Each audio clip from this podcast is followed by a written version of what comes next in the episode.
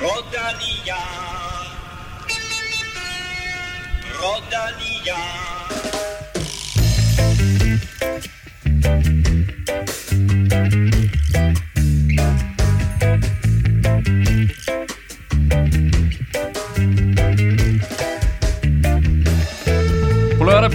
Årets første Grand Tour. Vi kigger frem mod Giro d'Italia og taler etaper, favoritter og naturligvis danskere. Om det, velkommen til mine to faste eksperter ud i italienske landeveje og bjerge, ostevine. Jeg kunne blive ved. Kim Plesner og Stefan Djurhus. Tak for det. Tak. Kim, uh, Mads P., mm-hmm. forsvarende trøjevinder fra Vueltaen, vinder han også pointtrøjen i Giroen. Han er i hvert fald den store favorit på papiret, og øh, med det relativt beskedne sprinterfelt, der er i Giroen, og med den måde, han øh, triumferede i Vueltaen sidste år med tre etaper og pointtrøje, ret suveræn pointtrøje, så, så kunne man godt fristes til at, at tro, at han blev og, og, og nød hele succesen, hvis det går godt for ham. Men, men der ligger også den her Tour de France foran ham. Der ligger et tidligt VM, så han skal passe på, at han ikke kommer til at gabe for meget ved at skulle, skulle køre det hele. Så risikoen er også for, at han tager, han tager hjem før tid. Stefan, Remco eller Roglic? Hvis jeg skulle vælge mellem de to, øh, som man jo skal øh, i år, så, øh, så vil jeg nok tage Remco. Jeg øh, synes, han har set fuldstændig vanvittigt godt kørende ud. Det har Roglic nu også. Men, øh, men da vi så dem køre mod hinanden i, i Katalonien, der synes jeg, man så en Remco, der var en lille smule stærkere, selvom det lykkedes Roglic på noget snille og nogle bonussekunder at, at tage den samlede sejr til sidst så tror jeg, at når vi, når vi kommer ud i en, i en Grand Tour, så, så vil den øh, styrke fordel, som, som jeg tror Remco har, den vil nok øh, komme ham til gode i sidste ende. Vi kommer til at tale meget mere om de to favoritter, og hvem der eventuelt skal øh, true de her to øh, i årets Giro lidt senere. Og lidt senere, der kan du også høre et interview med danske Mads Wirt Schmidt, der skal køre sin første Giro d'Italia siden 2018. Vi skal naturligvis også quizze, og så skal vi uddele en hjelm og en Ingers goodie bag til øh, to af jer dejlige mennesker, der støtter på tier.dk. Uden jer, ingen podcast. Tak til alle, der har været med i lang tid, og velkommen til ikke færre end 13 nye. Vinnie Svano, Mobini, Dækkers, Lars Olsen. Uh, ja. det er alligevel måske, måske er det den Lars Olsen. Det er det helt sikkert. Øh, T. Hangren, Simonsen, jeg må hellere sige Simonsen, for det er med Z. Øh, Snor, Julius, Gravgaard, Henrik, Johan, Nikolaj og, jeg elsker den, Shove it. Men øh, vi har faktisk også mistet en hel del støtter her per 1. maj. Blandt andet fire støtter, der har været med i meget lang tid, og det kan skyldes, at dit kreditkort er udløbet. Så hvis du lige har fået et nyt kreditkort, så opret dig gerne igen på tier.dk. Og til dig, der sidder derude og mangler at komme med på tiervognen, så vil det være rart, hvis du ligesom over 750 af dine medlyttere med lyttere vil bakke op om podcasten. Øh, der er et hav af fede præmier til løgtrækningen det kommende stykke tid her blandt alle vores tier-støtter. Og øh, har du lyst til at støtte på en anden måde end lige 10, så kan du gøre det i vores shop, fordi der har vi jo introduceret det her, den her nye ting, der hedder månedens t-shirt. Og i den her måned, der er det Il Falco. Og øh, vi vender, lige, vi vender tilbage til lidt senere, hvad Il Falco er. Du finder shoppen på velropa.dk. Mit navn er Claus Elming, og du lytter til Velropa Podcast, præsenteret i samarbejde med Rådet for Sikker Trafik.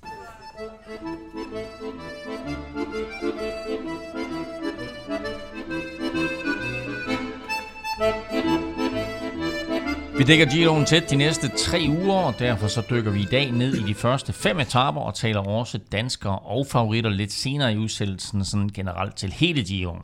Men lad os lige få, Kim, det store forkromede overblik over, hvordan ruten ser ud i årets Giro. Ja, det starter med den her enkeltstart på lørdag. Den er, den er de fleste med på. Øh, og den og så de næste fire etaper, altså etape 1-5, dem kommer vi tilbage til senere. Øh, og går lidt mere i dybden på. Øh, men ellers så den første uges højdepunkter, det er den her etape til Gran Sasso på syvende etape. Der er 200, to, ja, fredag, 218 km lang. Den er, jeg tror, der er en etape, der er 218,5 km, men den her er relativt tæt på at være, være den længste etape. Øh, og der er det næsten 50 km, 45-50 km til sidst, der går opad. Ikke med de, med de helt store stigningsprocenter. Og det var den etape, som John Carlsen vandt. Mm. 8. etape 89, som Stefan husker øh, så tydeligt. Året før han blev født. ja, og, så, og så slutter vi øh, den første uge med, med den her lange enkeltstart på 35 km, og måske endda øh, den første sådan rigtig basis for store tidsforskelle i, i Giroen. Der er tre enkeltstarter øh, i Giroen. Øh, de to slutter opad, og så har vi altså den her øh, efter, ja, det, er det 9. etape eller det 10. etape? 9. Mm. etape, som, ja. øh, som er helt flad 35 km, og øh, der mener du altså, at der godt kan laves en lille forskel. Eller stor, eller stor måske endda. Øh, så er der hviledag, øh, og så kommer den anden uge, som jo blandt andet byder på en mini-udgave af Lombardiet rundt. Det er rigtigt, at der slutter ugen i Bergamo, som man kender fra, fra Lombardiet rundt med sådan en, en op- og ned-etappe. Men jeg vil dog sige, at det mest markant i, i anden uge, det er helt klart den 13. etape, hvor vi skal op til det her skisportsområde Cramontana, øh, som ligger i Schweiz, og, øh, undervejs der skal vi også op over det her St. Bernard Pass i næsten 2.500 meters højde. Så det, det er klart den, den hårdeste etape i u 2, og, og kan faktisk matche nogle af de etaper, der kommer i tredje uge. Og netop den tredje uge, øh, Kim, i Giroen, den plejer du at kalde human. Øh, hvor, hvor, hvor human eller inhuman er den i år? Plejer, plejer det var sidste år. øh, den er meget, meget øh, inhuman i år, vil jeg sige. Det, der, der er en enkelt, altså ud over den sidste øh, paradekørsel til Rom, så er der en enkelt etape, som, som ikke er, er rigtig, rigtig ulækker. Øh, den starter med den her Monte Bondone etape i Trento, som, øh, som nogen, øh, nogen, der har været cykelturister i Italien, måske kender øh, Monte Bondone, meget kendt stigning. Øh, 19. etape til Tresima di Lavaredo, øh, hvor Nibali vandt i, i snevær for 10 år siden. Også en ordentlig egner af en etape. Øh, og så kommer den her helt syge bjerg enkeltstart øh, på, på 20. etape. Øh, enkeltstarten er 18,6 km, det er sådan set ikke noget usædvanligt i, men øh, der kommer så den her stigning, 7,1 km med 12,2 i snit. Det synes man, det er rigeligt men så er der 4,5 km, eller over 4 km, med 15 procent i snit. Jeg har også set flere omtalen som øh, den mest vanvittige bjergenkelstart, de nogensinde har set. Så øh, jeg vil tro, at, øh, at spændingen er bevaret til sidst, medmindre der er en, der har et virkelig stort forspring. Jeg gik ind og kiggede på etapeprofilen. Du fortalte mig om den her etape i mandag, så jeg, jeg gik ind og kiggede på etapeprofilen efterfølgende. Det ser mm. helt vanvittigt ud. Helt flat. Og så kommer der sådan, altså bare en mur Ja. Stejl, stejl mur. Og det er jo sjovt, den, etape, den etapeprofil, jeg så den på, der var den sådan strukket meget ud i trappeprofilen, og det vil sige, så så det ud som om, det var sådan en lille blød, altså nærmest ja. som på den første enkeltstart, sådan lidt blød bakke til sidst, men, men lidt halvlang. Øh, det var den så ikke, når man gik ind og kiggede, kiggede på procenterne. Det er, det er 20. etape, eller så ved jeg, at, at du, Stefan, sådan, vi talte om det, inden vi gik på, at det, hvis man sådan skal sætte et par krydser i kalenderen, så er det øh, 13., 16., 19. etape, som øh, er de store bjergetaper. Og 18. faktisk også. Og 18. også, og så 20. Øh, også. Så, ja. øh, så det bliver, det bliver en, en meget afgørende sidste uge. Og så slutter det hele faktisk af med øh, i år paradekørsel til Rom, lidt som vi kender det fra, fra Tour de France med paradekørsel ind til øh, Paris. Vinderen af Giro d'Italia kender vi først om 3,5 uge, men lige nu, der skal vi. Quiz, øh, og øh, dagens quiz omhandler naturligvis Giro detaljer. Øh, det står 8-7 til dig, Kim, mm. efter sidste uge, og dermed så er serveretten tilbage hos Stefan. Mm. Og øh, jeg havde overvejet lidt frem og tilbage, hvad jeg skulle lave til jer, men øh, det endte med at blive en last man standing. Og øh, det er ganske simpelt. Vi kigger på de sidste, seneste 10 sæsoner, 10 udgaver af Giro detaljer, og I skal simpelthen bare nævne de ryttere, der har været på podiet mere end én gang. Så igennem de Nå. sidste 10 år, hvem har været på podiet mere end én gang? Puh. Er spørgsmålet forstået? Ja. Det er det. Så har jeg kun én ting til jer to, og dig, der sidder og lytter med. Lad nu være med at google. Husk, at hvis du gerne vil have lidt mere sjov og ballade under Giroen, så kan du spille med i Giro-spillet på holdet.dk og tilmelde et hold i vores miniliga Velropa Giro, hvilket mere end Kim 200 Ja, det er sidst jeg tjekkede, var det 200 allerede har gjort. Øh, I mandags der lavede vi en øh, special omkring Giro-spillet på, øh, på holdet.dk og talte både rute og favoritter, og nu dykker vi så lidt dybere ned i første etape, Stefan, som er sådan en små 20 km lang enkeltstart, men med en meget interessant afslutning. Ja, jeg synes, øh, afslutningen det bliver, det bliver en underholdning. Øh, det er en enkeltstart, der går langs øh, Adriaterhavskysten, så den er primært flad øh, og går langs kysten de første 17 km, øh, før de så drejer sådan med 180 grader næsten ind på, øh, på den stigning, der går op mod øh, målbyen i Ortona. Øhm, der er tre hårdnålsving, og øh, i starten kommer den også øh, rimelig hurtigt op på, på 8%, men i sig selv er det ikke en, øh, en sådan helt sindsoprivende stigning. Den er, den er ganske kort øh, på 1,2 km, og så, øh, så dykker den en smule lidt ned, og så, øh, og så kommer den noget fa- falsk flat i øh, halvanden kilometer op, øh, op mod mål. Så der kommer jo en, øh, en tidstagning ned i bunden af stigningen, øh, og så, øh, så bliver det jo spændende at se, om øh, man skal lige have et kick i, i tanken til det sidste.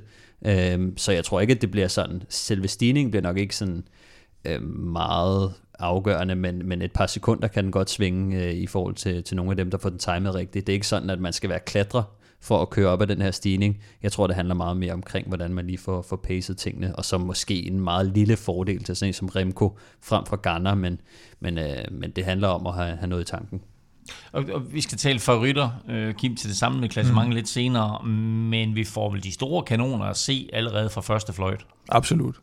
Altså, der er jo lagt lidt op, det så man jo også øh, i deres tidligere duel her tidligere på året, Remco og Roglic, det, det kan godt blive små marginaler, der kommer til at afgøre det imellem. Der er ikke nogen, der, der er ikke nogen, der lader noget ligge ud på ruten i, i den her Giro, formentlig, før, at, øh, før der er slået nogle store, før, før der er slået nogle store huller imellem dem. Øh, og så er det klart, at, at de store favoritter på, på lørdag, det er jo selvfølgelig Ghana, Remco, Stefan Kyng, Roglic, men, men der vil være rigtig mange, som forsøger at give den en skalle for at, at holde sig til øh, fordi de kommende etaper, de kan, de kan måske gå hen og byde på, på en, øh, en lyserød føretrøje, hvis man er rigtig heldig. Så jeg tror, det er meget få, der, der, der decideret kører den som, som, øh, som træning eller hviledag. Det, det, der kan være nogle lead-out-folk og så videre, der gør mm. det, men, men ellers så vil folk forsøge at holde sig til. Og som vi har set tidligere, så laver Giroen det her trick med, at de også uddeler en bjergtrøje på første etape. Og det er simpelthen den rytter, der er hurtigst på, de der, på den sidste stigning der. Altså så de sidste er det 2,6-2,8 km-agtigt, mm. øh, som afslutningen er der. Så den rytter, der er hurtigst på det stykke, han får bjergtrøjen efter første etape, og der har vi jo ikke Chikone, vi så et år. Simpelthen taget den sådan helt gelente frem til stigningen, og så bare blæse alt, hvad han kunne op af stigningen, for at få øh, bjergtrøjen. Så, det skal der nok være nogen, der gør igen, ja. Ja, det, bliver interessant at se, fordi det er jo også mulighed for, hvad skal vi sige, en outsider. Til ja, nogle af de små italienske hold, måske ikke, for dem er det jo sindssygt vigtigt at komme på podiet, ikke, at blive hyldet, og billeder og til sponsorerne og så videre. Det, det, det vil være rigtig stort for dem. Jeg tror, der er mange, der selvom de øh, triller hen til bunden, får svært ved at køre hurtigere end Remco, for at være helt ærlig. Men, altså, men jeg tror også, der, jeg tror, det kan være, at der, der er et par stykker, der, der lykkes med det. Så kan vi sige velkommen til en øh, specialist ud i enkeltstartens vanskelige kunst, Mads Wirt Schmidt, tidligere U23 verdensmester i disciplinen, og naturligvis Mads, stor favorit til på lørdag. ah, det tror jeg ikke. Hvad, øh, du har ikke kørt uh, Giroen siden 2018, glæder du dig? Ja, jeg glæder mig helt vildt. Uh, det, det er sgu et fedt løb, og uh, så uh, ej, det, det glæder mig rigtig meget til. Og hvordan bliver det sådan at, at komme tilbage i, i Grand Tour og skulle køre tre uger i træk? Ja, men altså, det, det er jo et stykke tid siden sidst, og øh, sidst jeg gennemførte en Grand Tour, det var jo, det var turen i, i 19. Øh, der ligesom styrtede ud i, i Vueltaen i 21, så, så det er et stykke tid siden, men øh, det, det er altid fedt at køre Grand Tour, synes jeg. Jeg har altid øh, de Grand Tours, jeg har kørt, kørt der, har, der har en nyt at køre dem, og jeg øh, synes, det er, det er nogle fede cykelløb, og ja, det, det er specielt at køre, men øh, ja, selvfølgelig, og så er det også skide hårdt, men, øh, men det, det er fedt at køre. Det, det er de fedeste løb på kalenderen, synes jeg, det er, det er Grand Tours. Og hvad siger du til den her enkeltstart på lørdag? Øh, jamen altså, jeg kommer til at køre fuld gas, og så må vi ligesom se, hvad, hvad det ender med. Jeg har ikke rigtig øh, noget, øh, noget specielt i, i tankerne omkring enkeltstarten, øh, men, men jeg kører fuld gas, fordi jeg, jeg tror på, at der øh, er noget udbrud, der kan køre hjem øh, ret tidligt i løbet på, på en af de første lidt hårde etaper, og så vil det være rart at sidde i det rigtige udbrud, eller den, der ligger bedst i klassen, kan man jo sige. Mads, vi har, øh, vi har tidligere snakket lidt om sådan udstyret på, på nogle af topholdene versus øh, Israel. Hvad, hvad, hvad er din vurdering i forhold til det, det tekniske setup på, på Israel? Jamen, det er, at øh, øh, uden at tage nogen over til, så kan jeg godt sige, at der, der er hold, der har hurtigere udstyr end os. Øh, det er jo, altså man kan kigge på resultatlisterne og se, øh, hvilke hold, der generelt ligger i toppen af enkeltstarten, og hvor mange rytter de, de har hver især i, i top 20 for eksempel. Så, så der, ud fra det kan man godt lure, hvilke hold, der har bedste, bedste udstyr. Og, altså, jeg kan ikke huske, når vi sidst har haft mand i top 20 på en enkeltstarten. Så. Men det er selvfølgelig på en eller anden måde lidt ærgerligt netop i år, fordi der jo er tre enkeltstarter og næsten 75 km samlet. Altså det er jo en syvende del af alle etapper, som er enkeltstarter. Øh, skal, skal I lidt jer selv, og skal, skal de også lidt dine chancer væk? Nej, for altså, det er nu, øh, nu har jeg ikke øh, set mig selv køre, køre fra øh, Rocklis eller øh, i Vinterpol på en enkelt start alligevel. Så, øh, så jeg kan jo se de enkelte starter som, som nogle, øh, i hvert fald den midterste enkelte start, som en, en ekstra halv hviledag, som der måske kan gøre, at jeg har lidt mere skyd med, når vi kommer, kommer længere ind i løbet. Og, øh, og, og rammer nogle, nogle landretsetapper, der passer mig. Det, det er i hvert fald det er landevejsetapperne, jeg har fokus på. Det er ikke, det er ikke enkelt. Så du, du, du kigger lidt på den her Giro som øh, 18 etapper og 5 hviledage? Hvis det var så vel, men, øh, men øh, ja, der er, øh, det er ikke, det er ikke enkeltstarterne, jeg har fuld fokus på. Øh, nu kører jeg fuld på den, på den første her, og, og nu har vi, jeg har også tjekket den sidste enkeltstart, hvor hård den er, så der er man nok nødt til at køre fuld uanset hvad øh, hvis man ikke skal rulle baglæns med den, den stigning der. Så, øh, så det bliver selvfølgelig over, men, men den midterste start, det er, øh, det, øh, det bliver ikke det, det helt store, jeg skyder efter. Er der, øh, jeg tænker også, øh, efter du kom til, til Israel, øh, at det så også var sådan en øh, med tanke på, at, at som ryttertype, at du var begyndt at gå efter nogle, nogle lidt andre cykelløb. Er det ikke rigtigt? Jo, det er kommet lidt naturligt. Øhm, jeg har ikke haft så meget øh, held i sprøjt med, med enkeltstarterne, siden jeg blev professionel. Øh, og, og begyndte egentlig at, at blive lidt hurtigere i afslutning og så videre. Og, og det er også, altså, siden jeg blev professionel, er det også i, i de almindelige cykelløb, jeg har lavet de bedste resultater. Så, så for mig har det egentlig været en naturlig udvikling. Øh, at fokusere mere på, på landevejsløbene, og, og især her efter øh, jeg ligesom har mistet lidt, øh, lidt motivation for, for brostensklassikerne, så også øh, fokus på, på min klatreevne og forsøge at blive bedre der, forsøge at blive lettere og, og så videre. Øh, og i og med, at det også er den type løb, jeg skal vinde, det, det er de hårde etaper, der ikke er bjergetabber. Så, så der har vægten også noget at sige, og en klatreevne også noget at sige. Ja, men altså, jeg synes godt, man har kunne se, at du har, du har været trimmet lidt ned øh, i år, øh, da vi så dig i hvert fald i starten af sæsonen, men når vi lige sidder og kigger på, øh, på det hold, I kommer med, øh, er det så dig, der skal spurtes for, eller, eller hvordan ser det ud? Nej, massespurterne, dem holder vi os langt væk fra. så ingen enkelt starter, ingen enkelt starter med, så ingen massespurter. Hvor skal du vinde henne? Jamen, øh, det skal jeg på de her øh, medium hårde etapper. Øh, nok lidt det samme som øh, en, som Magnus han vil gå efter og ramme de, øh, de hårde udbrudsetapper. Øh, og de etapper, der, der er for hårde for sprinterne til at vinde, men, men for lette for, for GC-rytterne til at lave en forskel. Det er, det er den type etapper, hvor, øh, som jeg ligesom har, har, har fokus på. Øhm, og så, ja, altså, er det dag for dag. Øh, i, I forhold til, til spurterne, så, så, er det, så er det faktisk helt fint ikke at, skulle blande sig i dem, fordi øh, det kræver en, en helt lille ekstra mentalt at skulle, skulle køre de her masse spurter. Øh, især når man ikke er sprinter, som jeg er. Så, så og, og komme igennem en, en sprinteretappe uden at få det der adrenalin high til sidst, det, det kan give øh, noget fordel, når vi kommer på de overetapper, hvor det er, at jeg gerne skulle have det her adrenalin op at køre og, og være skarp. Øh, så, så spare lidt på adrenalin, og så er man også hurtigere nede i gear efter en etape og, og begynder at rekruttere hurtigere. Så, så det passer mig fremragende, at vi ikke har nogen spændende med. Det, det, det skulle gerne bare gøre sådan, at øh, folk som mig og Simon Clark, de har mere skyde med, fordi de etaper, der passer os. At øh, vi egentlig ikke skal tage os alt meget andet end os, end os selv. Og du siger jo selv, at, at øh, du håber, at der allerede tidligt i løbet vil være udbrudsetaper. Har du sat kryds for nogle etaper indtil videre? Øh, jamen umiddelbart, så der er måske, det kommer an på, hvad, hvad folk som Mads P. og Caden Groves om Massey, hvis de vil, på tredje etape. øh, det er en ret hård stigning, der er, men der, der er stadig 20 km til mål fra toppen, så der kan stadig ske noget efter, men fjerde etape ser jeg helt sikkert som en, en udbrudsetappe.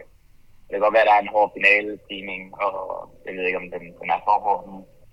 Har jeg tabt mig lidt yderligere, som sæsonen startede, øh, så, og klatre egentlig ganske fint, men det er svært at sige. Øh, men, men altså hellere være i udbrud og have chancen, ramme udbrud og have chancen for at, at køre finalen og sidde nede i feltet og bare spille sådan ting hele dagen. Så jeg er sikker på, at fjerde etape, det bliver, det bliver en udbrudsetappe, så, så der er nok en hel del, der kommer til at køre efter udbrud der.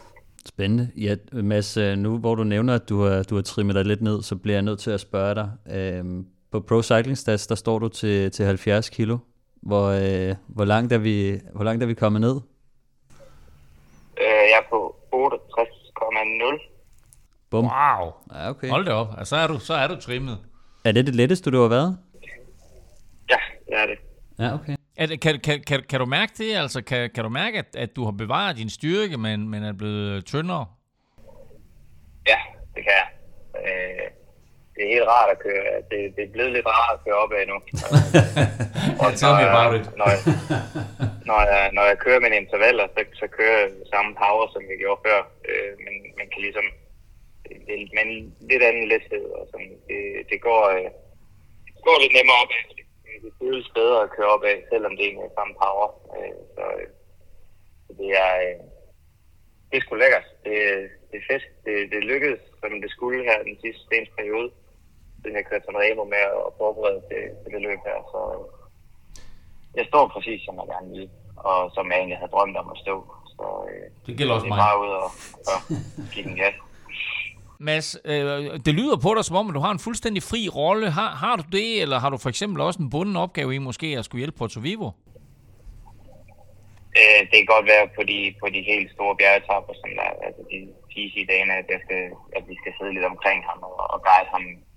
Så længe der sidder en ved ham på, på de store bjergetapper, så skal, så skal vedkommende sørge for, at han sidder i OK position og falder ind for ham. Men, men ellers så er det ikke det store. Øh, han er en, der, der bare passer sig selv øh, for det meste. Så, øh, og så bliver det også her. Vores, øh, vores første mål, det er at vinde kampen og så må vi se med, og så er det, det, så, er det så lidt i, en, i baggrund med, at, at Porto Vivo skal køre noget mange.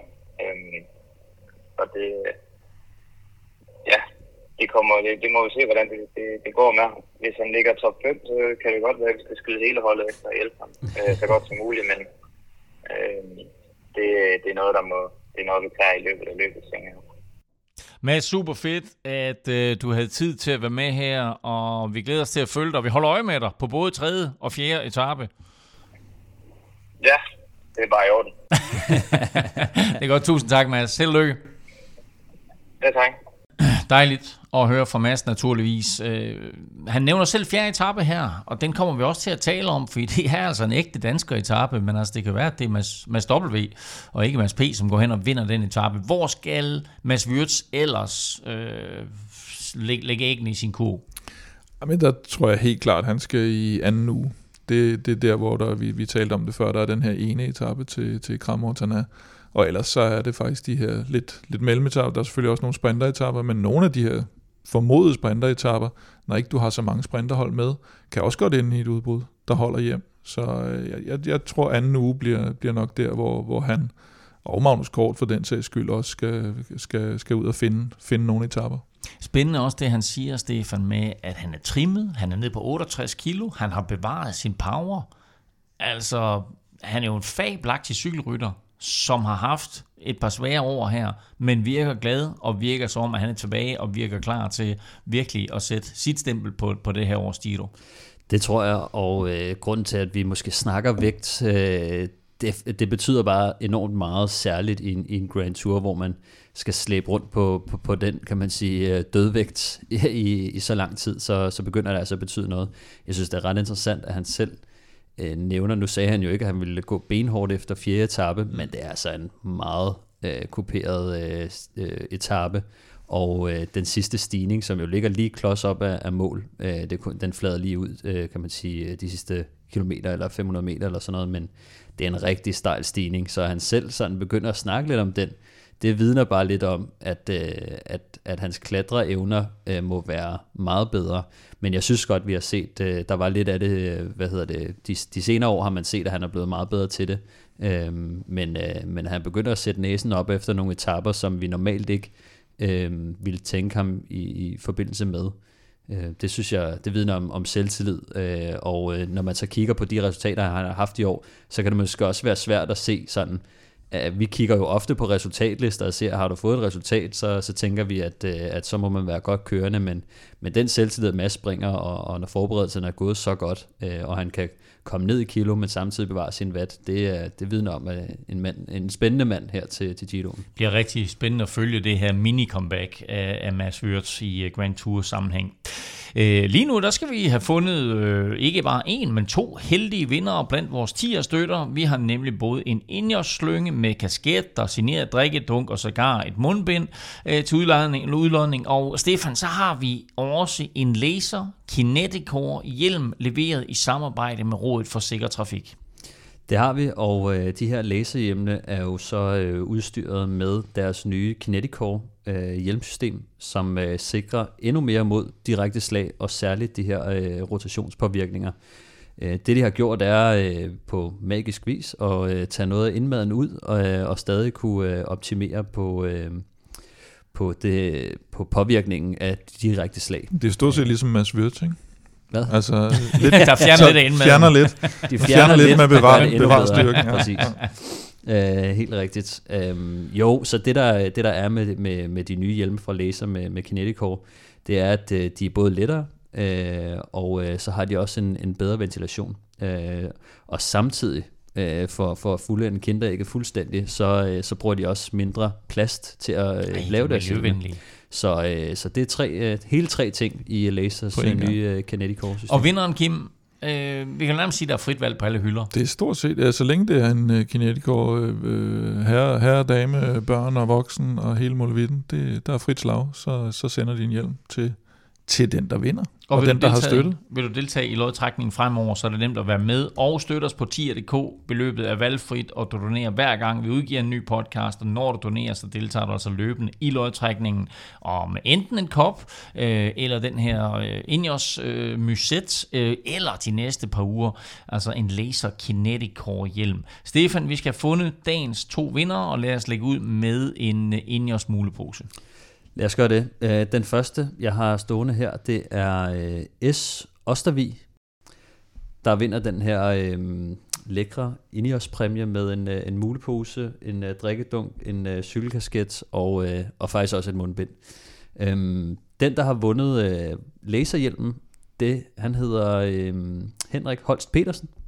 Og øh, det sjove ved, ved Henrik, det er, at øh, han er faktisk en af de allerførste støtter, vi har haft øh, på Det er sjovt. Så, øh, så det, det, er altid, øh, det er altid godt, når, øh, når, når nogle af de sådan... Hvornår kom Henrik ombord? Jamen, det var øh, marts 2019, så øh, det er jo set med... Det er før corona jo. Wow, jeg tror ja. faktisk, vi startede med 10 i sådan noget februar 19, kan det passe? Jeg kan aldrig huske, jeg kan aldrig huske 19 eller 18. Jamen, så var det også på tide, Henrik, at du vandt en præmie, og hvilken præmie? Altså en Laser Kinetic Core hjelm til dig. For alle vores lodtrækninger, der gør vi det på den måde, at for hver femmer, du donerer, der får du et lod i puljen, så jo større beløb og flere lodder, altså dermed større chance for at vinde. Du finder link til at støtte, både på velropa.dk og på tier.dk. Mange tak for støtten til alle, og naturligvis stor tillykke til Ostervig og til Henrik med henholdsvis jeres øh, mulepose og hjelm. Vi skal videre med etaperne i årets øh, Giro d'Italia, og øh, de to næste, altså etape 2 og 3, har skrevet danskere ud over det hele. øh, måske ikke Mads W, men, men i hvert fald Mads P. og Magnus C. Stefan, beskriv lige først og fremmest anden etape for os.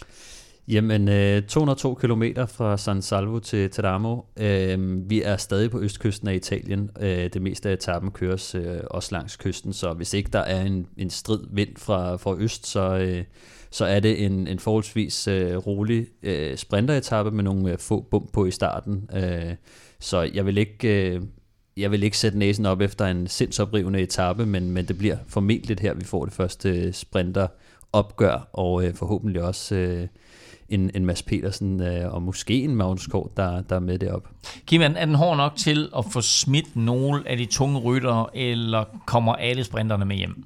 Nej, jeg vil tro, at det, ja, det faktisk undrer mig meget, hvis ikke de alle sammen er med hjem til, til Madsburg. De, de er stadigvæk friske, og der er to knolde øh, midtvejs, hvor man skal op i et par 100 meters højde og, og, og køre nogle stigninger med omkring 5% i, i gennemsnitlig øh, stigningsprocent.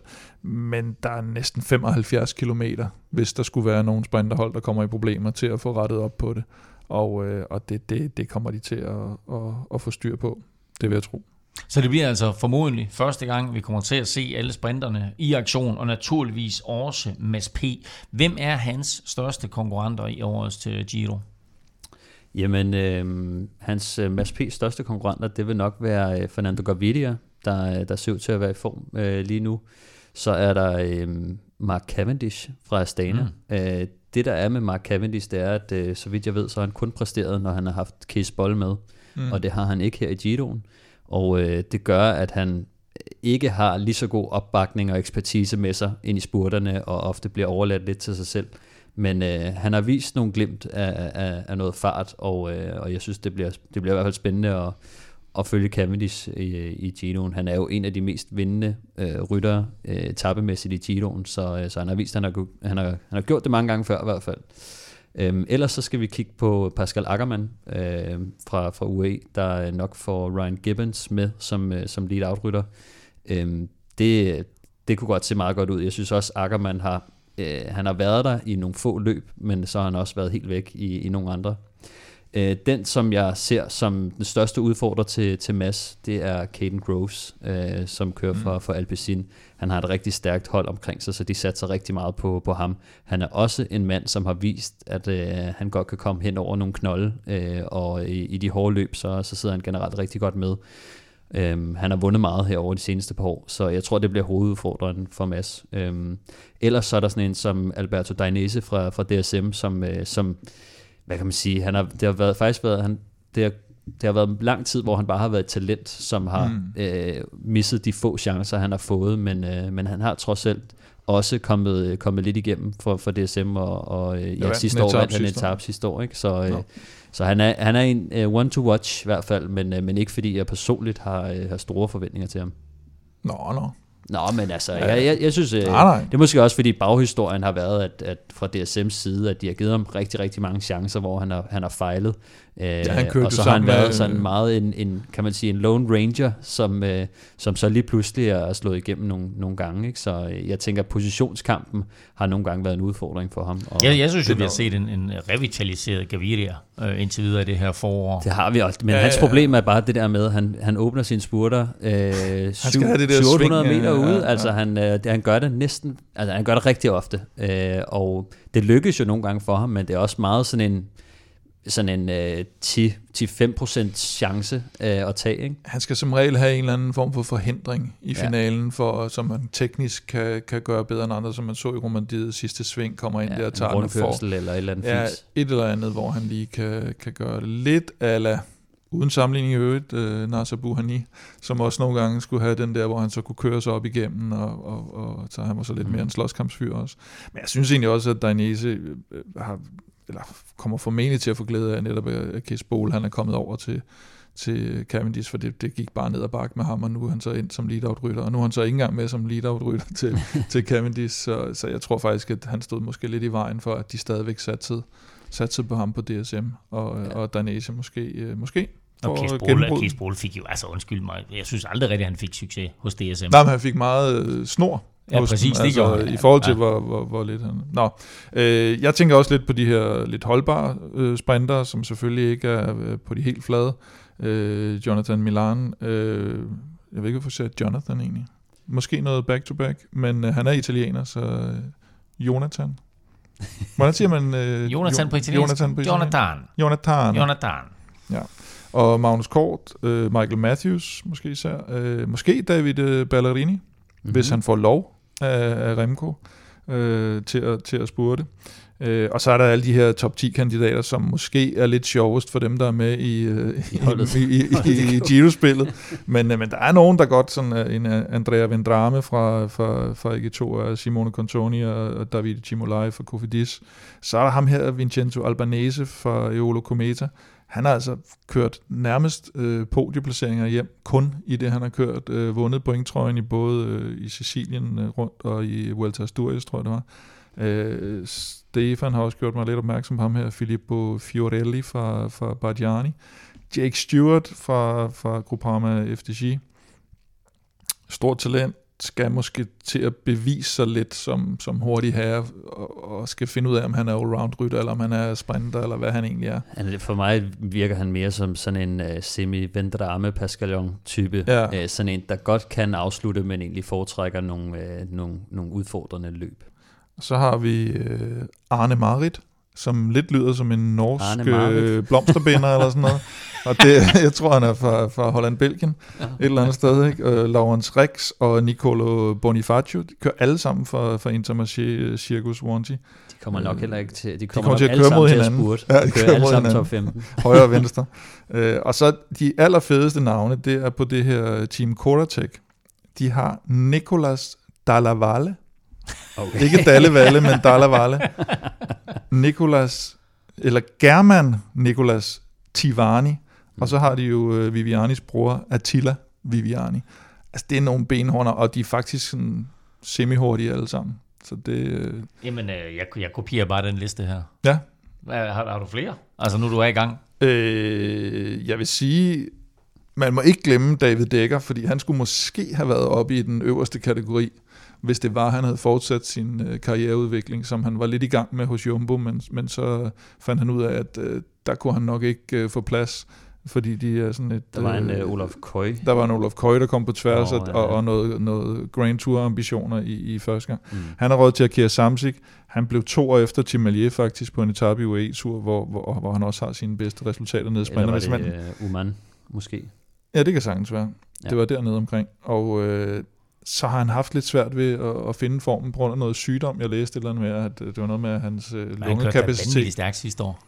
Ja, i nogen løb gjorde han, og så, så var der noget med et eller andet med hans, jeg ved ikke om det var på grund af, at han havde haft covid, eller hvad det var, for der var noget med hans, øh, hans vejrtrækning eller lungekapacitet, eller et eller andet, der var sket et eller andet med.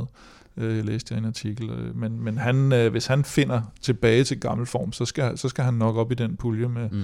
med Mads P. og de andre rent faktisk. Og så kommer vi til, øh, til, til tredje etape, og tak for øvrigt øh, den meget komplette gennemgang af, af, af feltets øh, sprinter til, jer, til jer begge to. Øh, kommer vi til tredje etape, og den synes jeg er sådan lidt sjov set med danske øjne, fordi den kan faktisk gå hen og blive en kamp mellem Mads P. og Magnus K. Alle etaper er danske etaper. Nej, nej, men jamen, det er det, jeg siger, anden og tredje etape. Nej, nej, altså den her etape, den ligger Altså, den ligger perfekt til både Mads, du står nede på Mads, Mads og Magnus. Du står ved Adriaterhavskysten med røde og hvide øh, malerbøtter, og så bare danske flag ud over det hele, op og ned langs kysten. Øhm, ej, men jeg vil så give dig ret på den her. Øhm, altså, det er igen en, en, en forholdsvis lang etape, lidt over 200 km fra Vasto til Melfi. Øhm, de første 173 er ukompliceret, øhm, helt flade stort set. Men så til sidst i, i finalen, der kommer der sådan lige to stigninger i rap, som ligger på Monte Vulture, tror jeg, man uh, udtaler det. Det er i hvert fald en... Jeg tror jeg helt perfekt udtalt. Det er en, en uddød vulkan, men mm-hmm. uh, sådan nogle vulkaner kan jo godt gå lidt op ad en gang imellem. Uh, de altså, første... Du siger, det er en udbrudsetappe? nej, nej, det tror jeg ikke. Det tror jeg okay, den røg lige over hovedet på mig i starten, den der. Øhm, nej, men øh, den her, den, den første, hvad hedder det, stigning er 6 km lang, øh, relativt øh, regulær. Jeg tror, den, den ligger omkring de der 5-6 procent øh, i, i gennemsnit. Øh, den er sådan hårdest øh, midtvejs på, hvor den kommer op omkring 10 procent, så der, der er nogle lidt hårde stykker på den. Øhm, efter toppen, så kører de lidt ned, og så kommer der så lige en kicker mere på 2,5 km, som er en del hårdere, og det kan godt blive nålestødet for, øh, for nogle af de her øh, håbefulde sprinter, som, øh, som måske kan sidde og nås lidt med det. Jeg synes, det er en spændende etape på den måde, at jeg forestiller mig, øh, som jeg ser det lige nu, at, vi, at det er en sprinteretappe, men at, øh, at det bliver sådan en, hvor at for eksempel Trek eller mm. nogle af de andre prøver at sætte et hårdt tempo, lige akkurat som Mads han kan klemme sig med henover, og så er der nogen, der vil blive sat Øhm, det er lige sådan, jeg, jeg ser det for mig. Det kunne også godt være, at, øh, at det kunne blive et godt afsæt, hvis nu at Trek ikke kører hurtigt nok, eller Mads han er, han er lidt for presset. Så jeg, jeg, det er en spændende etape, fordi at øh, efter toppen på den sidste stigning, der er, jeg tror det er 26 km hjem, mm. øh, og 16 af dem går sådan stort set nedad.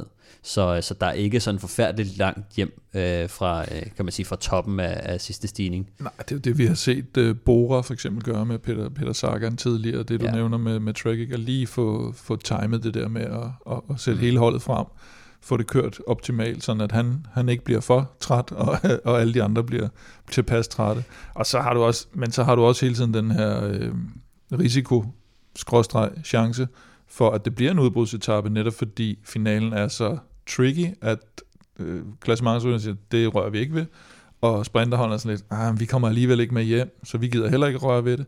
Så der, man kan ende i en situation, hvor der ikke er så mange hold, der rent faktisk gider køre efter det her udbrud, mm. øh, medmindre man har de her Matthews, øh, ja, ja. EF og, og men, Trek øh, og sådan noget. Ikke? Det er klart, at hvis, øh, hvis Trek og, og Jayco for eksempel sender en mand med i udbruddet, ja, så, så, så mister, øh, altså så, så, så bliver det en udbrudsetap simpelthen. Ja. Ikke? Men, øh, men deres måske mest sikre måder at få sejren på, det er nok ved at, ved at holde sammen, og måske øh, kunne det være Matthews og, og Mads, de, de talte lidt sammen og, og fik, øh, fik, fik holdene til at spille sammen, fordi når man kigger på sprinterholdene hver for sig, så er det sådan Tricks eller Masses hold, øh, det er ikke det stærkeste hold, når man lige kigger mm. på, på papiret. Der er en Alex Kirsch og en Bauke Mollema. Mollema skal jo højst sandsynligt gå efter noget klassement og nogle bjergetapper og sådan noget, så hvor meget skal han øh, til at hjælpe Mads også. Men generelt set, så er det ikke sådan nogle, øh, nogle af sprinterholdene er ikke sådan noget, hvor man tænker, der har de rigtig god opbakning til at styre mm. øh, etaperne, så jeg tror, de skal prøve at holde lidt sammen.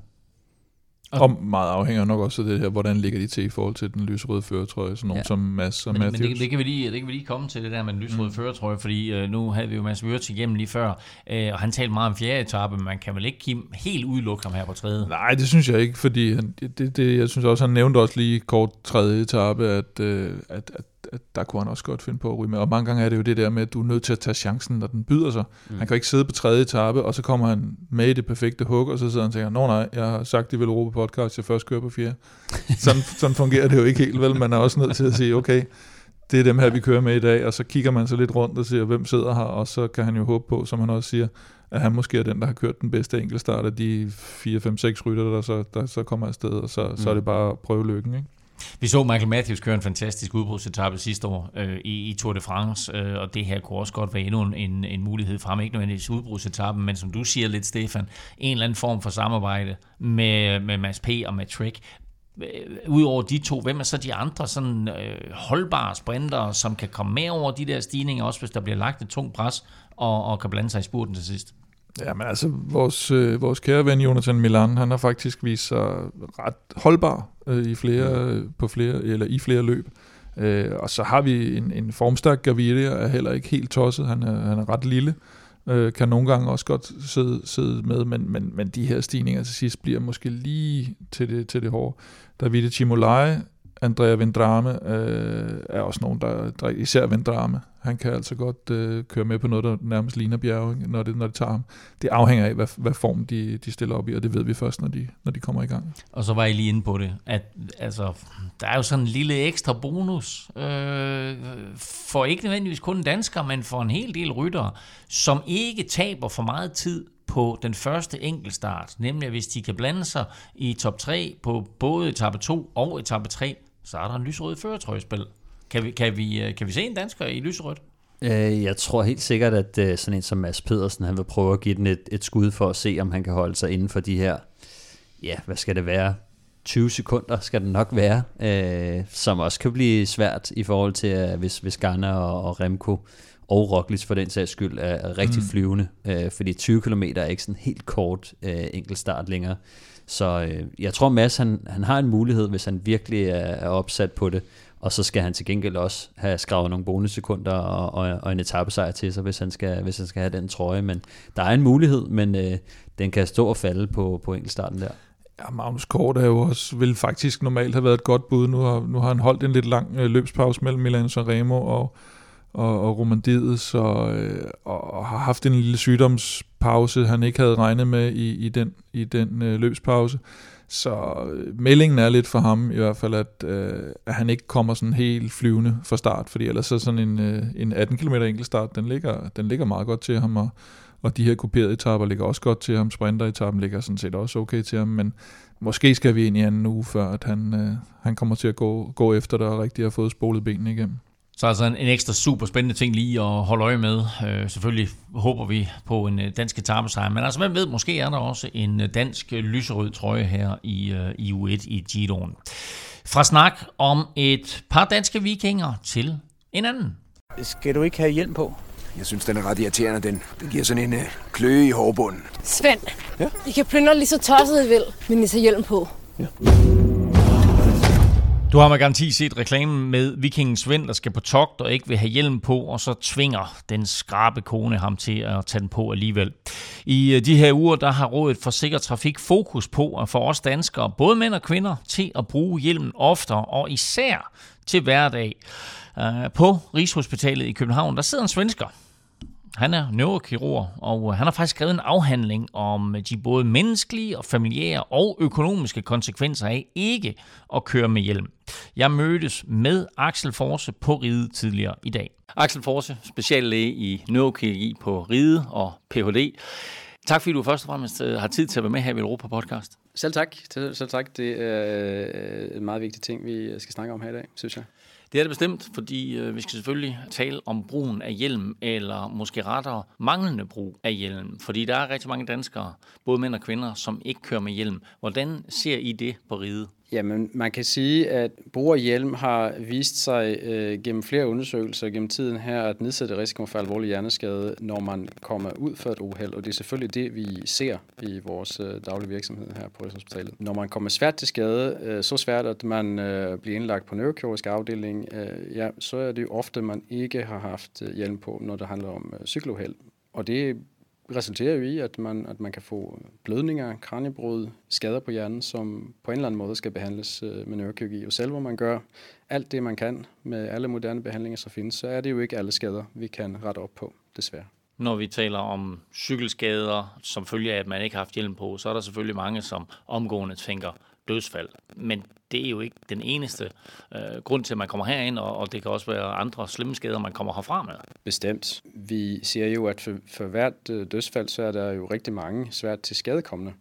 Øhm, og udover at det selvfølgelig er forfærdeligt for individen selv, så er det jo øh, sådan, at individen har en familie og et netværk, som bliver påvirket, og det er jo også noget med samfundsomkostninger i det her. Men hvad er, hvad er det typisk for, for skader, som, øh, som folk de kommer ind med, og som de ikke rigtig kommer sig over? Når det kommer til neurokirurgi, øh, så handler det om øh, hjerne- og rygmarv. Man kan sige, typisk så øh, behandler vi øh, svære skader på hjernen. Man kan jo have kontusioner, det vil sige blåmærker på hjernen, som øh, gør, at hjernefunktionen på en eller anden måde øh, bliver påvirket, svært påvirket.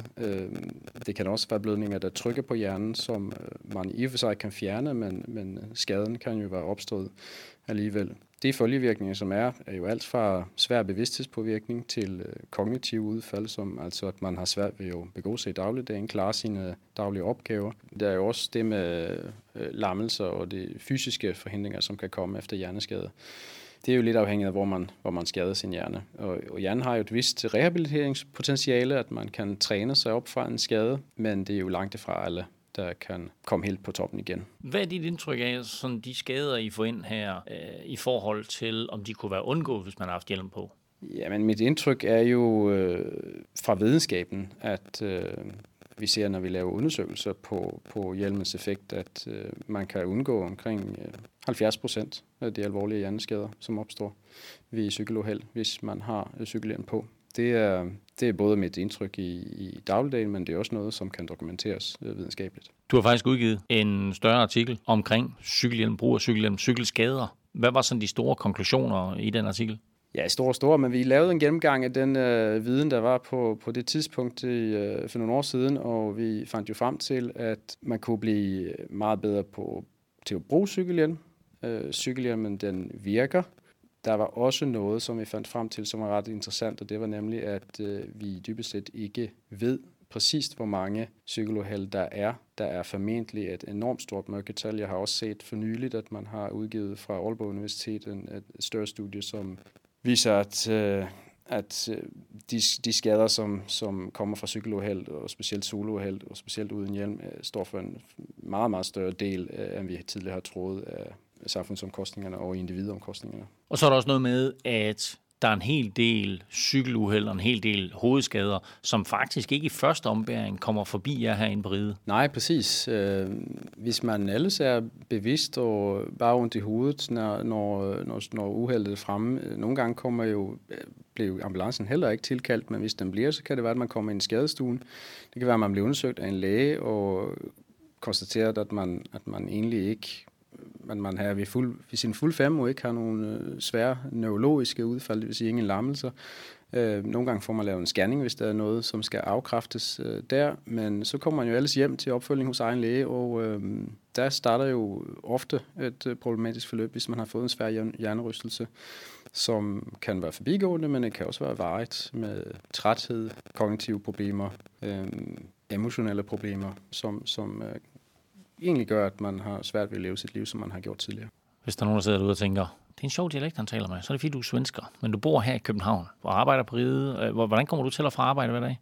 Ja, lige præcis. Jeg er svensker. Jeg cykler. Jeg cykler fra Søborg ind til, uh, ind til Rigshospitalet. Har du hjelm på? Naturligvis. Når du kører ind om morgenen øh, eller hjem om eftermiddagen, tænker du over alle de personer, alle de cyklister, som ikke har hjelm på? Ja, jeg vil sige, øh, jeg lægger mærke til det i med, at jeg også har interesseret mig lidt for det. Det går, det går lidt i, i bølger, synes jeg nu. Øh, har vi jo også kunne se på tallene, som også Rådet for Sikker Trafik har, har lagt frem, at øh, der er nogen, der er bedre end andre til at bruge cykelhjelm. Og øh, jeg tror, der er noget, vi kan gøre for at øh, udbrede den brug lidt mere. Og hvilke grupper er det især, som du tænker, der kan blive bedre til det?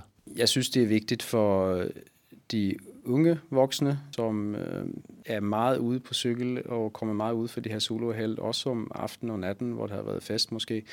Der er man ikke lige så god til at bruge cykelhjelm som øh, børn, hvor forældrene har ansvar, og, og også øh, de, de lidt ældre. Der er også en øh, relativt stor gruppe, som kommer ud for mange udhæld, og det er øh, voksne mænd i deres bedste alder. Det vil sige over 40. Det er sådan nogen som mig. Når du ser på, på de cyklister, der kommer ind med hovedskader, er der så flere mænd, eller er der flere kvinder? Det er flere mænd. Det er flere mænd. Det, generelt faktisk er det flere mænd, der kommer ud for, for uh, traumer. Uh, men det gælder også i cykeluheld. Hvis du sådan skulle give et godt råd til de danske cyklister her nu, hvad skulle det være? Spænd hjelmen. Det nytter. tak for det. Mange tak, fordi du havde tid til at være med her, Axel. Tusind tak. God råd fra svenskeren på ride, Axel Forse. Og øh, der er noget med, Stefan, faktisk, at øh, den her lille kampagne med Rådet for Sikker Trafik, at du har ladet dig inspirere lidt. Det må man sige. Øh, jeg har jo længe et eller andet sted gerne vil have en, øh, en cykelhjelm til, til hverdag. Jeg har jo altid kørt med cykelhjelm, da jeg cyklede, men, øh, men jeg har købt en høvding, og øh, den har jeg lige købt, mens vi lyttede til, øh, til, til interviewet. Så, øh, så nu kommer jeg ombord på, øh, på jeg kan man sige, ja, det, det er vel ikke en hjelm, men det er airbag-vognen, øh, som, øh, som, som jeg håber øh, bliver fint. Om det er hjelm, eller det er sådan en opuslig høvding, det tror jeg, det er fuldstændig lige meget. Det vigtige det er, at vi får så mange til at øh, cykle med hjelm som overhovedet muligt. Så øh, lad det være en opfordring fra os til dig, der sidder og lytter med. Hvis du har dit hoved kært, så som Stefan, køb en hjelm, og som Axel Forse fra Ride sagde, spænd hjelmen det nytter. Og øh, vil du læse lidt mere om kampagnen om, hvorfor det er en god idé at have hjelm på til hverdag, så gå ind og tjek øh, Rådet for Sikker Trafiks hjemmeside. Den hedder sikkertrafik.dk. It's mano a mano yet again as Roglic goes to the inside. Evenepoel responds as well. What a fabulous battle between the pair of them drifting over the outside of Roglic. Oh, he's got... oh, and Evenepoel sits down. He can't do it. He can't follow. And Roglic said, this mountain is mine. This jersey is mine. Catch me if you can. Wow, Roglic takes it. Evenepoel apparently falls Vi skal videre med etape gennemgang i årets Giro d'Italia, og øh, på fjerde etape, der får vi nok det første lille bevis for, hvem der har tænkt sig at give Remco og Roglic kamp om podieplads pladserne i år. Stefan, fjerde etape, årets første bjergtest. Ja, det, vi, vi kommer lige til at kan sige, døbe tæerne i, øh, i bjergene her. Der er øhm, tre øh, kategori 2 bjerge øh, undervejs. Øh, de ligger sådan rimelig godt fordelt. Den sidste er den værste, og den hedder Col Molelia. Øhm, den Etappen er 175 km fra Venoso til La Gorazano. Netop. Øhm, som sagt, to stigninger undervejs, og så slutter de på den sidste. Og øh, den sidste er sådan lidt tricky, fordi den er egentlig 10 km lang, men de første 6 km er meget sådan bløde i det, og så de sidste 4 km bliver, øh, bliver rigtig stejl, så øh, jeg, jeg forventer lidt en etape, hvor at det bliver åbnet op til allersidst på den her stigning. Der er også øh, et lidt for langt dalstykke frem til den sidste øh, stigning til, at man kunne lave sådan et, et, et længere angreb eller angreb på den anden sidste stigning.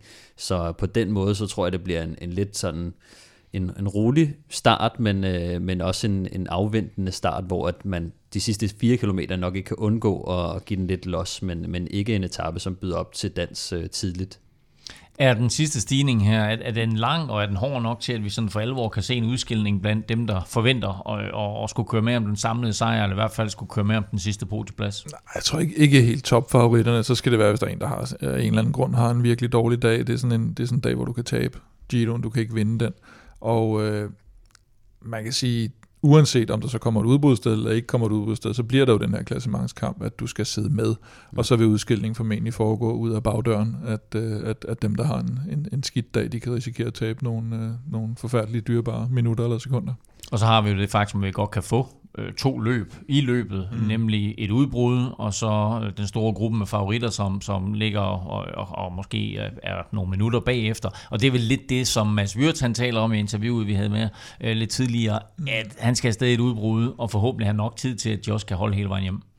Ja, det er jo, det er jo, han er jo altså ret sikker på, at det bliver, det bliver et udbrud på den, og det, det er jo igen, vi, vi kender ikke helt løbets dynamik der, fordi vi ved ikke, hvem ligger lige øh, klar til måske en føretrøje, hvordan er de andre etaper gået, og, og, og hvad vil de her store favoritter, som måske øh, tager trøjen på, på enkeltstarten, er de helt ligeglade med det, eller, eller vil de egentlig gerne øh, køre efter det? Det, det, det, må, det må vi vente og se. Så, så den, er lidt, den er lidt svær at, at vurdere, fordi den netop den er, den er hård til sidst, så, øh, så, så, så det skal også være de rigtige, der kommer med i sådan et udbrud. Ellers skal det lige meget. Jeg tror også, det er masser af en meget god pointe med det, altså øh, med at formentlig ser vi en øh, Remco Roglic øh, sidde med føretrøjen øh, tidligt i løbet. Øh, måske er det endda Ganna, øh, men mm.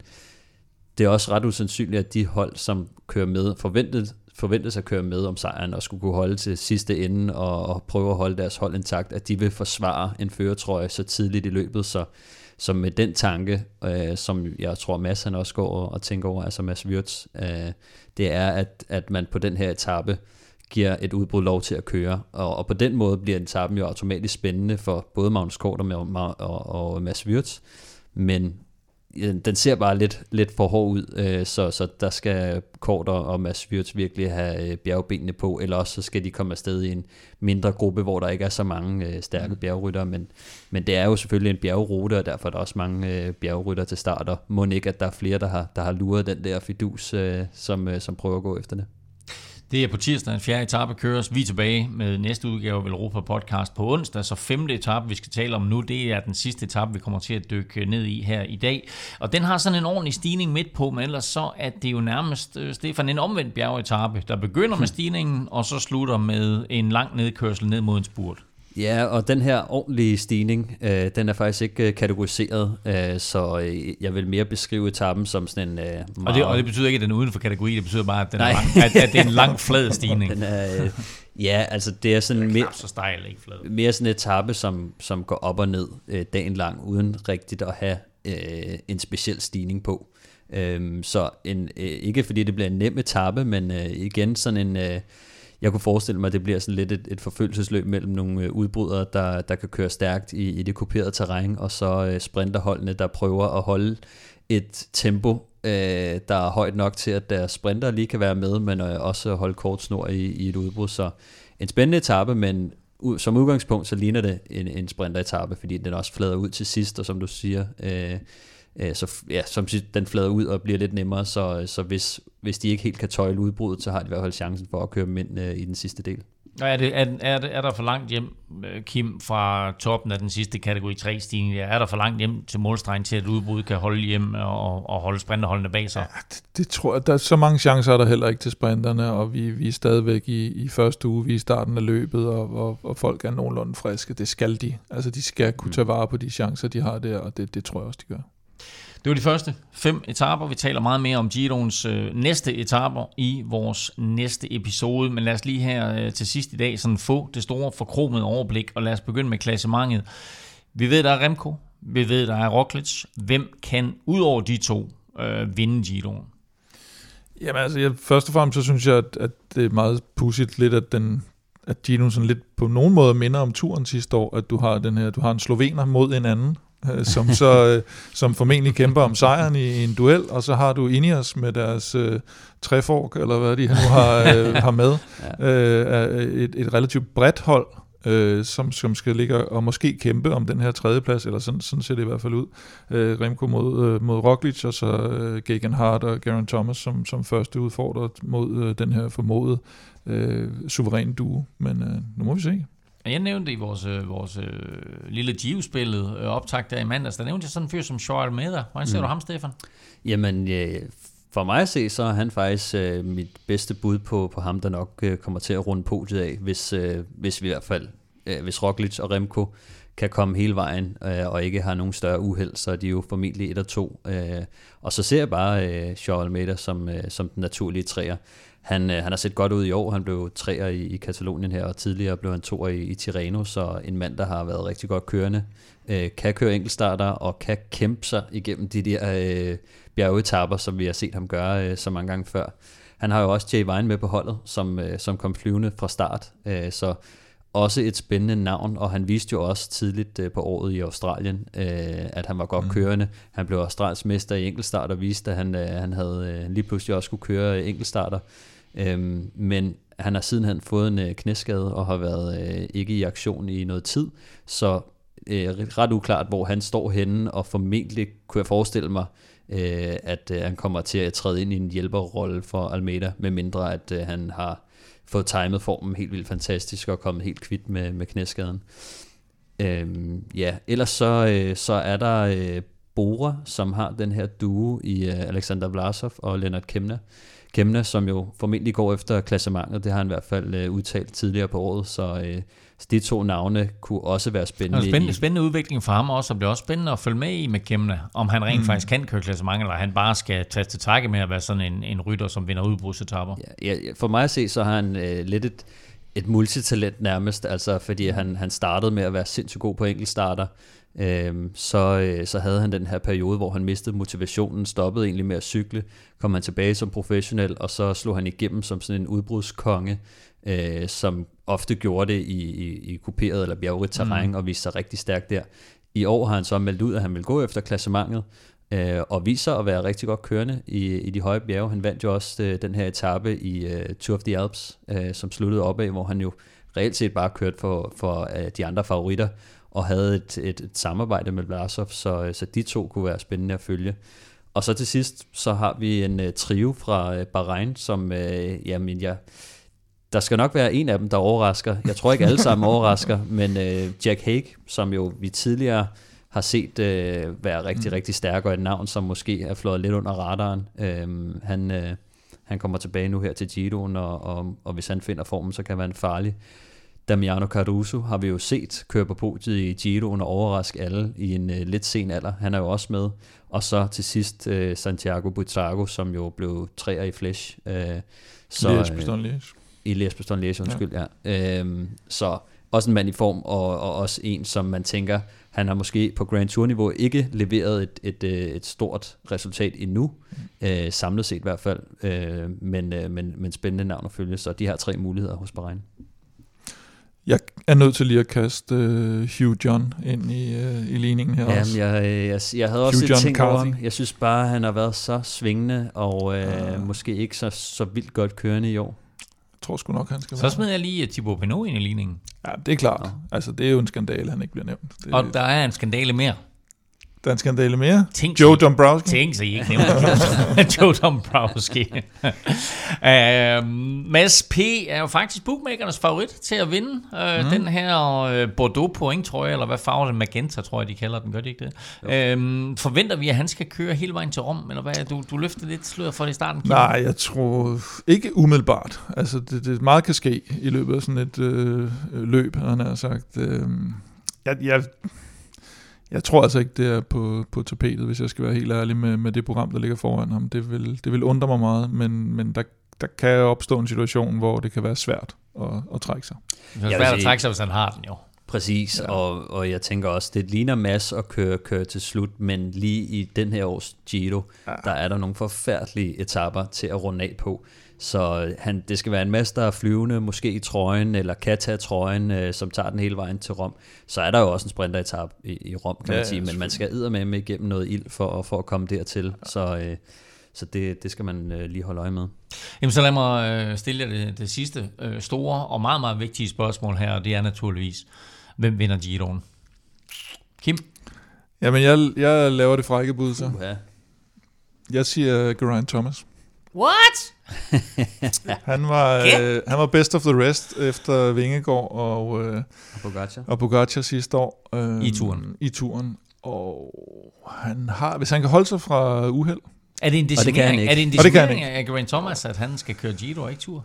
Nej, det synes jeg egentlig er, det er jo, det er jo forskellige øh, målsætninger. men Nu har han jo kørt så meget. Han har, vundet, ruter. han har vundet turen. Øh, nu, nu vil han gå efter den her, ikke? Og, øh, jeg tror sidst han gjorde, der styrte han ud på en relativt tidlig etape, ikke? Og, Jeg kan huske, efter han vandt Øh. turen, så, så nævnte han selv lidt, øh, jeg tror han kom tilbage året efter, men så tror jeg også, han, han selv var ude at sige, at nu havde han lyst til at køre Giroen. Mm. Han synes også, det var et fedt løb, og, og kan man sige, nu havde han ligesom kørt turen så mange gange, og prøvet at vinde den, og, og ville gerne prøve noget andet, øh, simpelthen. Jeg tror, han er en lille smule undervurderet, så, og ja. Ja. så er det også fordi, at det, I skal også have lov at sige de to uh, obvious, så, så tager jeg den fra igen. Stefan, Jamen, jeg tager Remco.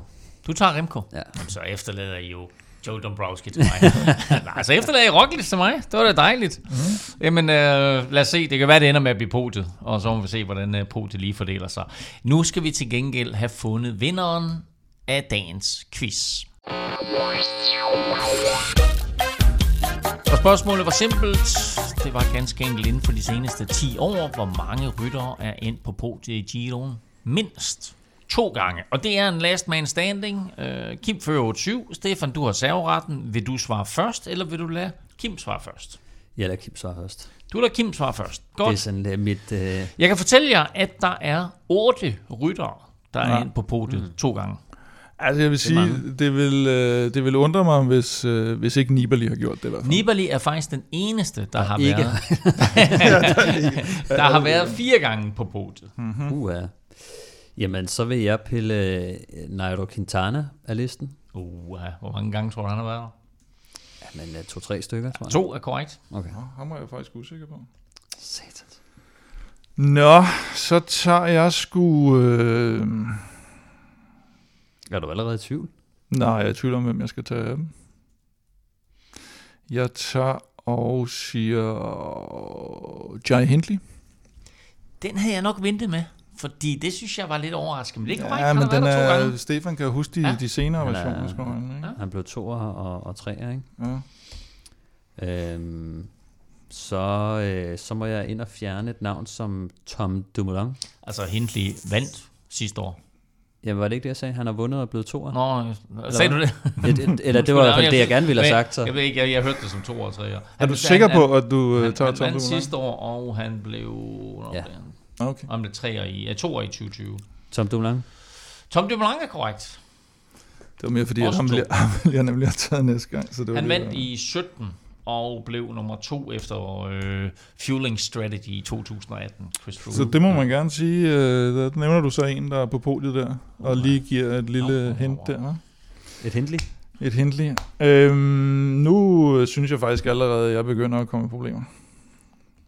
Og det er fordi, jeg kan ikke huske, øh, hvor langt tilbage vi skal for at have de her typer. Men jeg siger Richard Carapaz. Richard Carapaz har været der to gange. Han vandt i 19, og han blev nummer 3 i øh, sidste år. Den havde jeg faktisk ikke med, så det var godt, du lige fjernede den.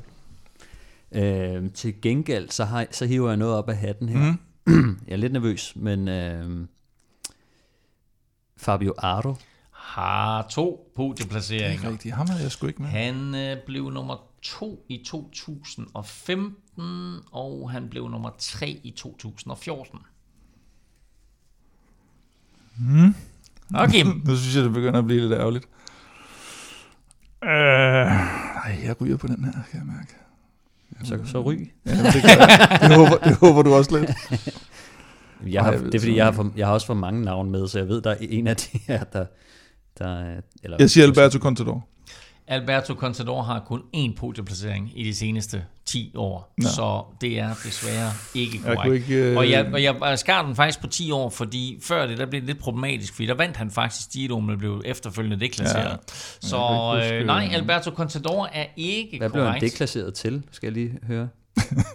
Han blev øh, Diskvalificeret måske diskvalificeret. Nå, okay. Ja. Øhm, jeg Nå. skal lige øh, høre dig, Stefan. Har du, øh, har du bud på de to sidste? Jeg har... Øh, ja, det har jeg faktisk. Mikkel Lander. Er korrekt. Fuck! Øh, Er korrekt. Jeg har lige, Fuck, mand. Ja, lige, to sekunder her. Jeg skal lige finde ham her. Øhm, han, har, han, blev, han blev nummer Du er 3. røget, jo. Prøv at høre, Han blev Ja, nummer men det 3 var ham, jeg havde 15. på listen. Jo, Han blev nummer 3 i 15 efter Contador. Ja, for og han ikke blev nummer vinde. 2 sidste år. Ja. Åh oh, gud, det havde jeg glemt jo sidste. Jeg kan ikke huske det der fra sidste år. Nej, og jeg kan sidste- dårligt huske, at Hindley havde vundet. Det er... Øh, Jeg ved jeg faktisk Det er ikke. Nej, det er ikke Rodriguez. Så er det Yates. Han Jeg havde også Contador med. Hvad? Jeg havde også Contador med, Ja. faktisk. Simon Yates. Nej, han er, han er, han er, han er, han er nærmest nuklear. Nuklear. Altså nærmest nuklear. What? Rigoberto Uran Uran. Nå, Fuck, nej. Nej, det er slet Han ikke... jeg faktisk øh, ikke glemt. Han blev nummer 2 i både 13 og Ja, 14. det er sgu da og dermed et Ej, jeg point til. Stefan. Sådan. Udligning til 8. 8. Free Lander Dermed tilbage. altså helt lige inden vi kommer tilbage i næste uge, fordi Velropa Podcast er tilbage på onsdag, hvor vi kigger tilbage på de første fem etaper i årets Giro d'Italia, og naturligvis frem mod de næste i årets første Grand Tour. Hvis du vil vinde en Velropa Cup eller en af de her mange andre lækre præmier, vi har, så hop ind og støt os på 10.dk, og husk også aprils måneds t-shirt, som hedder Il Falco, Stefan. Mm. Hvem er Ja. Il Falco? Il Falco, det er, øh, kan man sige, Der øgenavnet eller kælenavnet på... øh, tyske musiker, ikke? Med, Hvad- der er kommissar? Der er Falco, og... Der er kommissar. øhm, Il Falco, det er kælenavnet til Paolo Savaldelli, som er en øh, italiensk øh, rytter, som har vundet øh, Giro d'Italia to gange.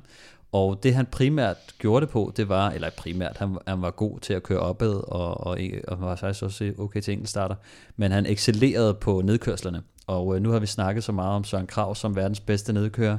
Vi har snakket om Pitcock som øh, en af de bedste nedkører med Hodic endda. Øh, men jeg tror, Paolo Soldelli, han havde, han havde slået dem alle sammen. Det var, det var rigtig, rigtig flot at se ham køre nedad. Han var ofte i stand til at hente favoritterne, øh, efter de havde sat ham på stigningerne, eller endda angribe på, på nedkørslerne og tage noget tid på, på de andre. Så øh, fantastisk cykelrytter. Og Il Falco, det er jo, fordi han dykker ned øh, fra bjerget der, ikke? Som falken. Ja, Så vi har kraven, og italienerne har falken. Altså Søren Kraven. Ja, ja, ja, ja, nå. ja, Og ved du ikke, hvad du skal lytte til nu? Må jeg så anbefale NFL-showet, hvor undertegnet sammen med Thomas Kvartrup tirsdag lavede vores komplette gennemgang af NFL-draften for alle 32 hold. Øhm, indtil vi høres ved, der kan du følge Kim og Velropa på Twitter på Snablag Velropa. Stefan finder du på Snablag Stefan Djurhus. Undertegnet finder du på Twitter, Insta og Face på Snablag NF Elming. Tak for nu. Tak fordi du lyttede med. Tak til alle vores støtter på tier.dk. Uden uden jer ingen vil Europa podcast, og tak til vores partner, Rådet for Sikker Trafik. Spænd hjelmen, det nytter. Arrivederci. thank you